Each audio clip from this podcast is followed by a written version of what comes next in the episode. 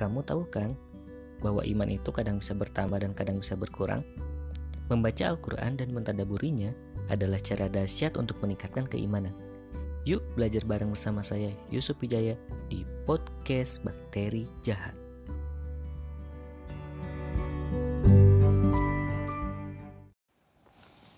Assalamualaikum warahmatullahi wabarakatuh. Kembali lagi bersama saya Yusuf Wijaya di podcast Bakteri Jahat episode 18. Oke, pada kesempatan kali ini uh, saya akan menyampaikan kembali uh, kitab Tauhid kitab tauhid uh, bab ketujuh ya di sini. Judulnya termasuk syirik memakai gelang, benang dan sejenisnya sebagai pengusir atau penangkal mara bahaya.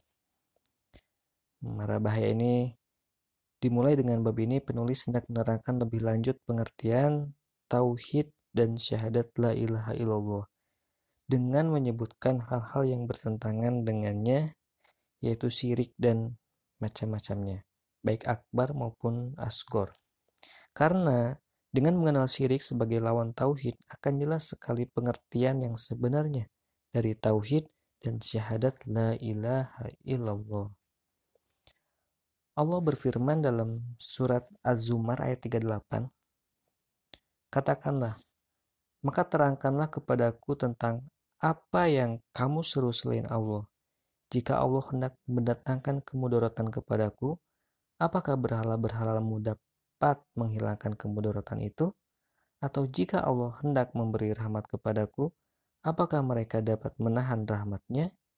Katakanlah, cukuplah Allah bagiku. Kepadanya lah orang-orang yang berserah diri bertawakal. Imron bin Husain radhiyallahu anhu menuturkan bahwa Nabi Muhammad Shallallahu alaihi wasallam melihat seorang laki-laki terdapat di tangannya gelang kuningan. Maka beliau bertanya, "Apakah ini?" Orang itu menjawab, "Penangkal sakit." Nabi pun bersabda, "Lepaskan itu, karena ia tidak menambah pada dirimu kecuali kelemahan. Sebab jika kamu mati sedang gelang itu masih ada padamu, maka kamu tidak akan beruntung selama-lamanya." Hadis riwayat Imam Ahmad dengan sanad yang bisa diterima. Dan riwayat Imam Ahmad pula dari Uqobah bin Amir secara marfu Barang siapa menggantungkan tamimah Tamimah itu ialah sesuatu yang dikalungkan di leher anak-anak sebagai penangkal atau pengusir penyakit, pengaruh jahat yang disebabkan rasa dengki seseorang, dan lain sebagainya. Barang siapa yang menggantungkan tamimah, maka semoga Allah tidak menyempurnakan atau memenuhi hajatnya. Dan barang siapa yang menggantungkan wada'ah, wada'ah ialah sesuatu yang diambil dari laut, menyerupai rumah kerang. Menurut anggapan orang-orang jahiliyah, dapat digunakan sebagai penangkal penyakit, termasuk dalam pengertian ini adalah jimat. Dan barang siapa yang menggantungkan wada'ah, semoga Allah tidak menjadikannya dalam ketenangan. Disebutkan dalam riwayat lain, barang siapa menggantungkan tamimah, maka dia telah berbuat syirik.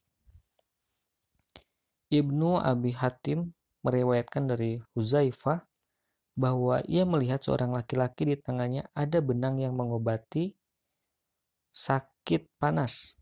Maka dia putuskan benang itu seraya membaca firman Allah dalam surat Yusuf ayat 106 wa ma yu'minu aksaruhum bi Allahi illa wa hum musyrikun dan sebagian besar dari mereka tidak beriman kepada Allah melainkan dalam keadaan mempersekutukan Allah dengan sembahan-sembahan yang lain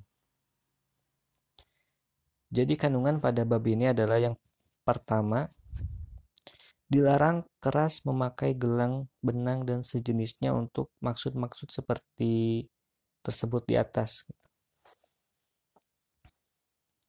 Poin yang kedua adalah dinyatakan bahwa sahabat tadi apabila mati, sedangkan gelang atau sejenisnya itu masih melekat pada tubuhnya, dia tidak akan beruntung selama-lamanya.